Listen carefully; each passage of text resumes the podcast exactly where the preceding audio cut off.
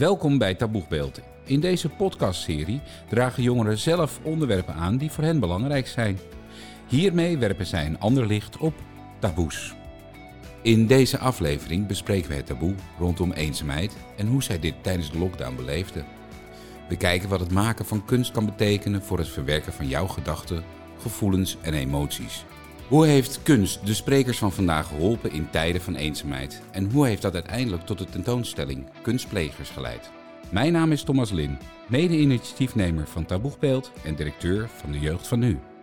In 2020 hebben we de eerste lockdown beleefd, waarin uh, veel jongeren last hadden van eenzaamheid. Uh, we gaan even luisteren naar een aantal audiofragmenten, uh, waaruit jongeren vertellen hoe ze de eerste lockdown hadden beleefd.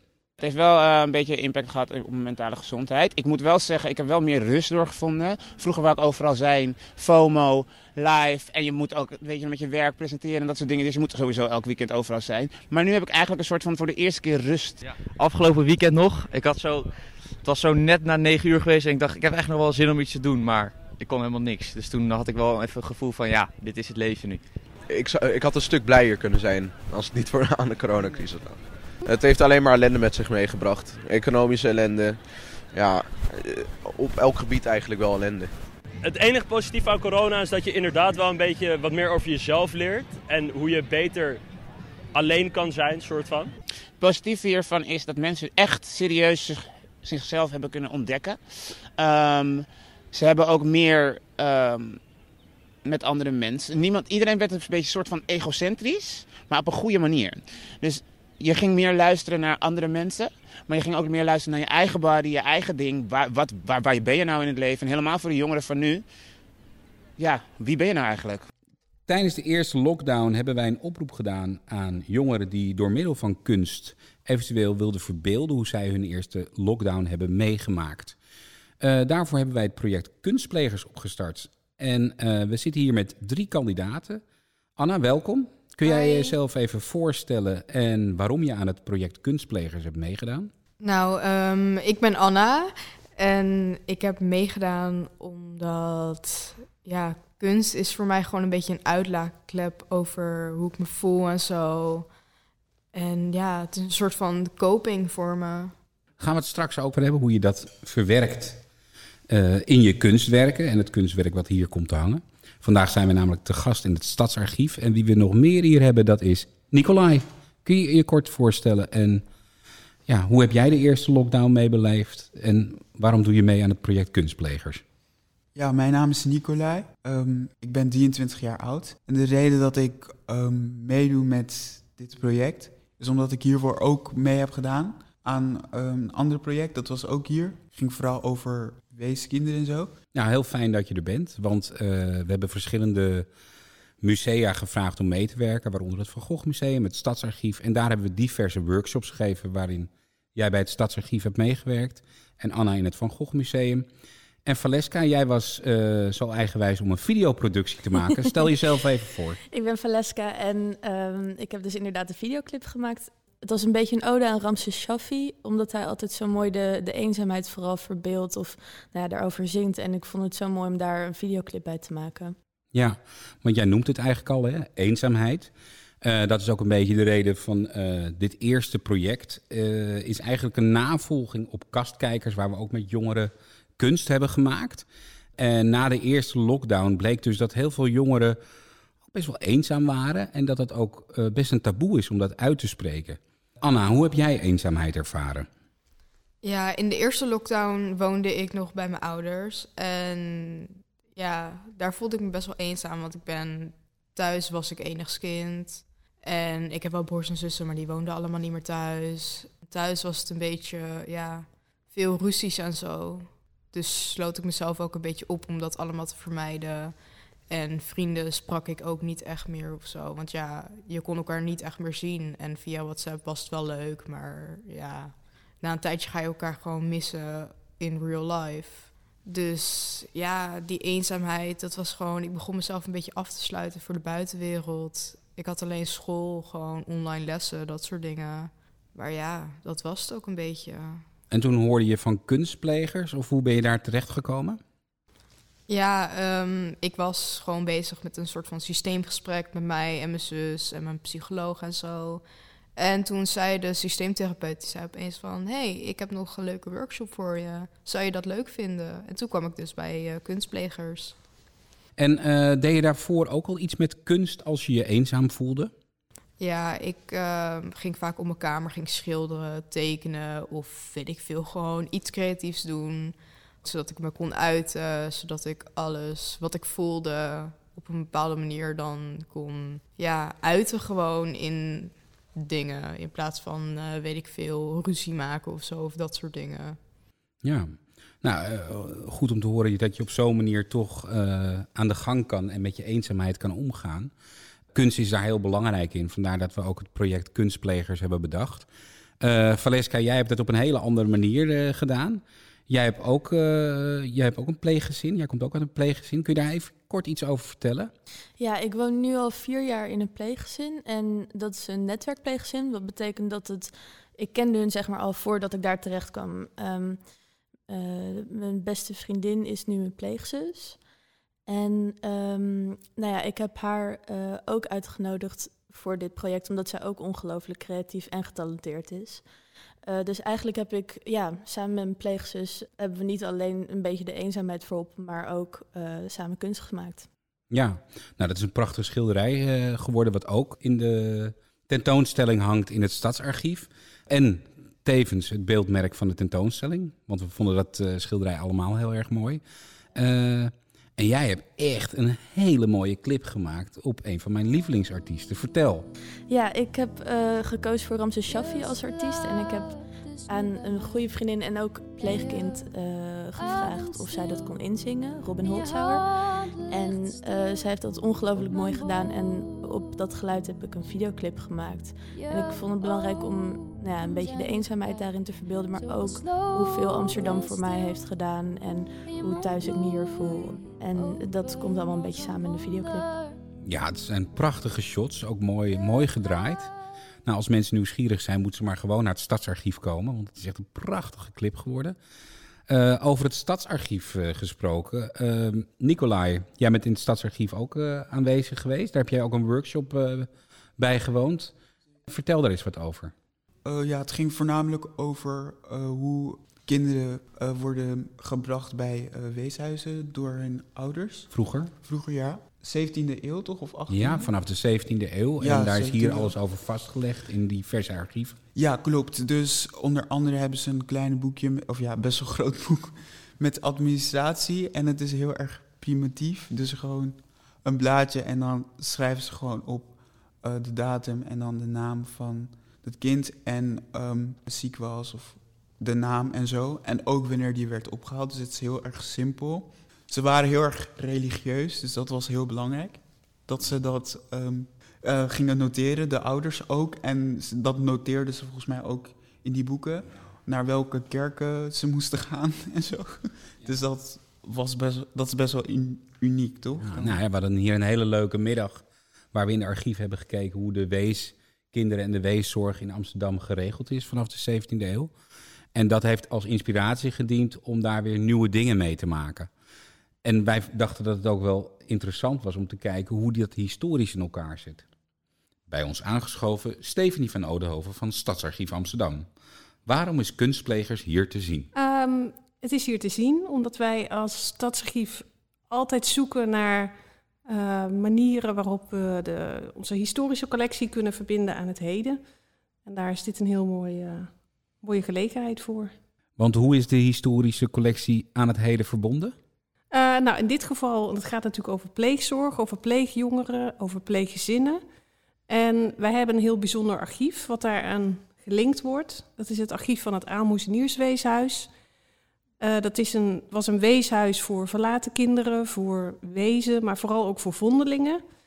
En die vondelingen, dat waren meestal baby's of hele jonge kinderen. En die kwamen in huis bij een pleeggezin. Dus um, dat waren er rond 1800 nou waren er duizenden minnen pleeggezinnen in Amsterdam. Bestond al heel lang. En dat is allemaal te zien in de tentoonstelling Kunstplegers vanaf 27 januari in het Stadsarchief van Amsterdam. Yes, in de kofferkluizen, in de schatkamer. In de Je schatkamer. moet wel even goed zoeken. Oké. Nou, eh, we gaan allemaal kijken. Dankjewel, Stephanie, voor je gastvrijheid vandaag. Yes, graag gedaan. Nou, dat dus over kunstplegers en hoe we kunst hebben gemaakt met alle workshops die we hebben gevolgd. Maar eigenlijk is de aanleiding is eenzaamheid. Van wat doe je als je eenzaam bent en welk taboe heerst daarop? Valeska, heb jij daar een idee over? Ehm, nou, als ik voor mezelf spreek, vond ik het vooral zelf heel erg moeilijk om te zeggen dat ik eenzaam ben of dat ik me eenzaam voel. Is dat schaamte? Ehm, ja, en ook dat ik niet dan gelijk een beroep wil doen op iemand anders om het dan maar gelijk op te lossen. Maar ik heb het geluk gehad dat ik dus met mijn pleegzus, eh, dat ik dichter bij haar kwam en zij bij mij. En zo hebben we dat eh, een beetje op kunnen lossen door de lockdown heen. Maar alsnog eh, denk ik dat het voor heel veel jongeren gewoon moeilijker was om zoveel alleen te zijn en om zoveel vooral met je eigen gedachten te zijn. Anna, als je Valeska zo hoort, hoe ga jij met eenzaamheid om? En eh, vind jij ook dat daar een taboe op heerst? Stel dat je je als jong iemand alleen voelt en hoe je daarmee om moet gaan? Ja, ik vind dat ehm, best wel lastig om aan te geven bij mensen. Omdat je niet als, weet ik veel, een aandachtszoeker of zo wil gezien worden. Want meestal is het onder de jongeren van als je dan ergens mee struggelt of zo. Van, yo, je bent echt een aandachtzoeker en eh, je moet gewoon normaal doen, dat soort dingen. Dus dat maakt het wel lastig om dan aan te geven van, ik struggle hier echt mee. En ik heb er ook echt last van. Dus ja, uiteindelijk heb ik dan bij volwassen mensen in mijn omgeving en zo dat echt aangekaart van ik krijg er echt last van. Dus eigenlijk heb je zelf dat taboe, taboe doorbroken door erover te praten met mensen uit je omgeving. Ja, want ik dacht van nou, de jongeren heb ik dus gewoon niks aan in mijn omgeving. Dus dan ga ik maar gewoon bij andere mensen waar ik me veilig voel eh, dat aankaarten. Maar is dat echt zo? Ehm, ja, ik weet het niet. Kun je niet bij jongeren terecht als je eenzaam bent en je bent zelf ook jong? Vraag aan Ja, iedereen. is, het, is het niet ook dat als je je eenzaam voelt, dat het eigenlijk niet erg genoeg is? Dat dat het misschien meer is. Ik denk als je, want jij zei het net zelf ook al, van, ehm, dat je echt moet aangeven dat je er ook last van hebt. En dat eenzaamheid eigenlijk misschien al niet genoeg is. Wat, wat zou jij zeggen, Nicolai? Heb jij wel eens last van eenzaamheid? Jazeker. Ja? Maar ik geloof wel dat er een verschil is tussen subjectieve eenzaamheid en Leg uit. objectieve eenzaamheid. Nou, als jij bijvoorbeeld best wel beperkte connecties hebt, dan kan je in bepaalde omstandigheden best wel benadeeld zijn. Omdat mensen niet hebt die waarmee je kan praten of iets kan delen of ehm, hulp kan krijgen of zo. Maar als jij gewoon best wel omringd bent met mensen, maar je hebt niet echt het gevoel dat begrepen te zijn. Ik denk dat daar wel een verschil is. Bij eh, subjectieve eenzaamheid, daar kan ik persoonlijk wel best wel een knopje omzetten en denken van, ja, laat me mezelf dan iets meer vermaken met wat muziek of zo dan. Of eh, laat me even lekker gaan fietsen. Ja. En hebben jullie dat bijvoorbeeld in je omgeving ook van andere jongeren gehoord? Of hoe gingen die daarmee om?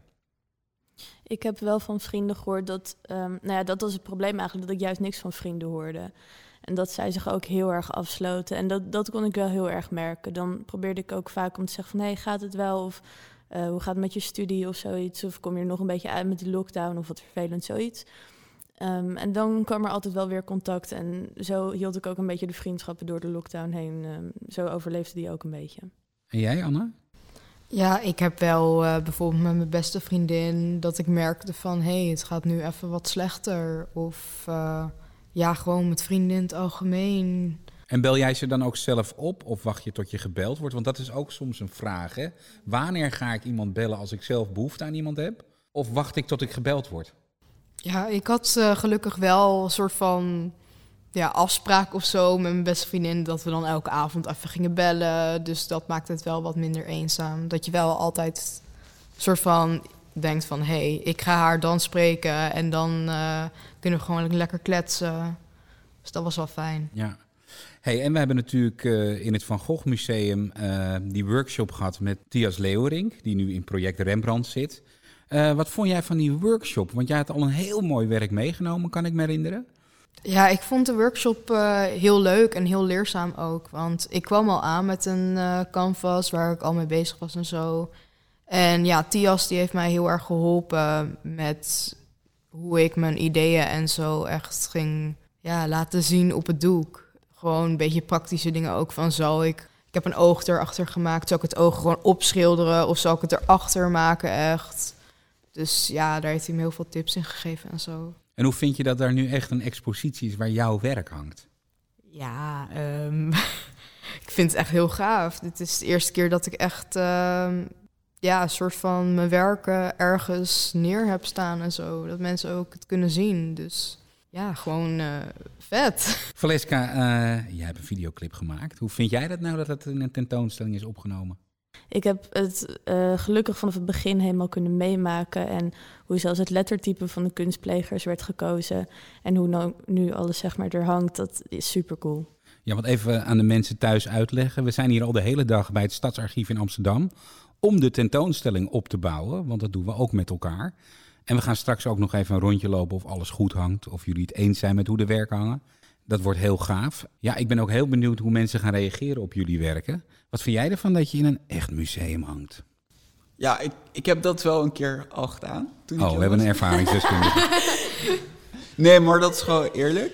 Maar het was niet echt in een museum. Het was wel echt een aparte plekje. Maar, um, een apart plekje. Een ja, voor de museum een beetje.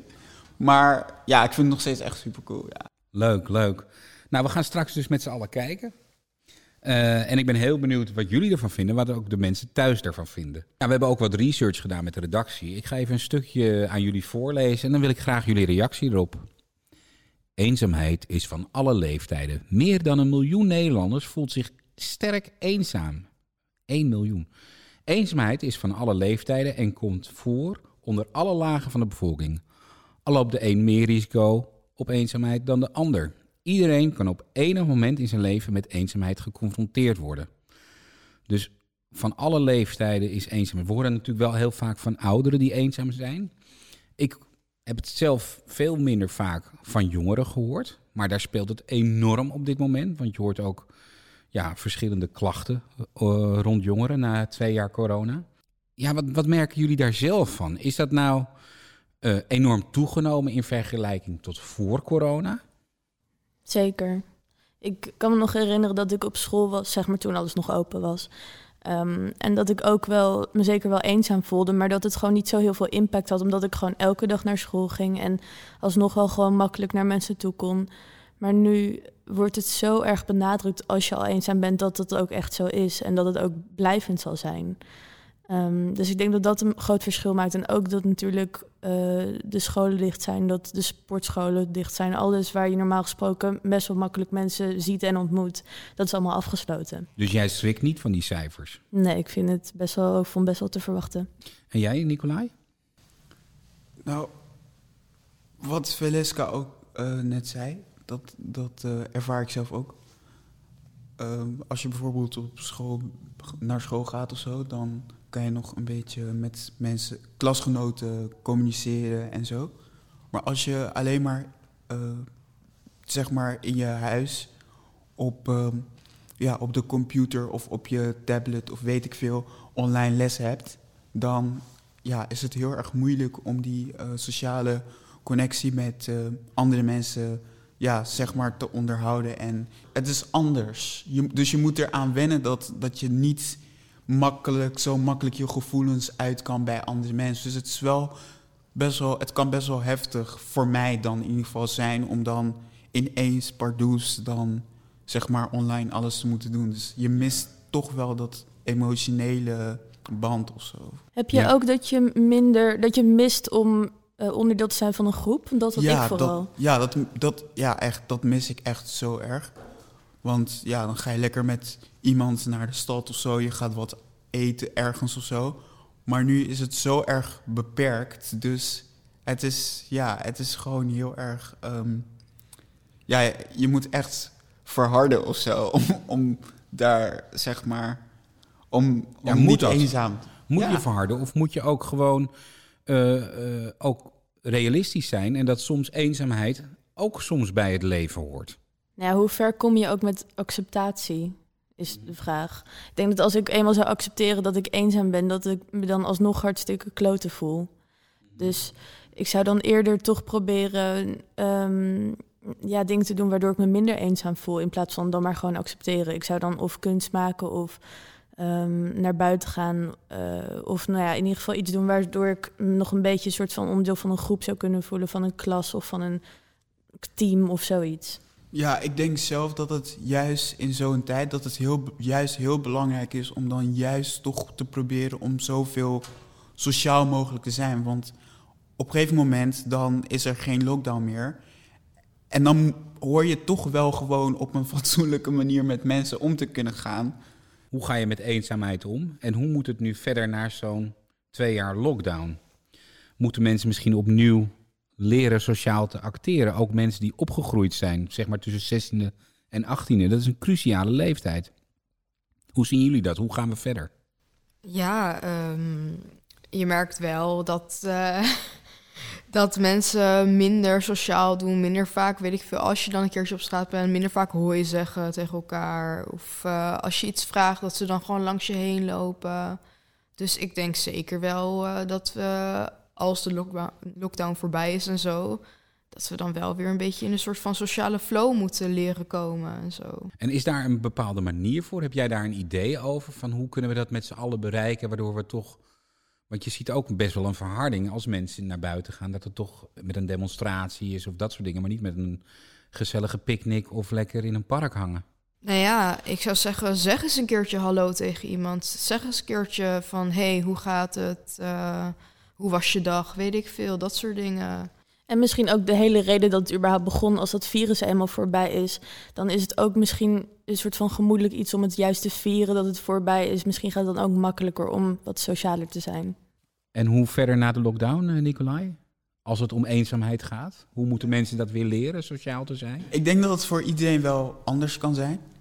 Ik denk dat het nu al, zeg maar, dat mensen al moeten proberen om juist extra op elkaar te letten, gedachten te zeggen.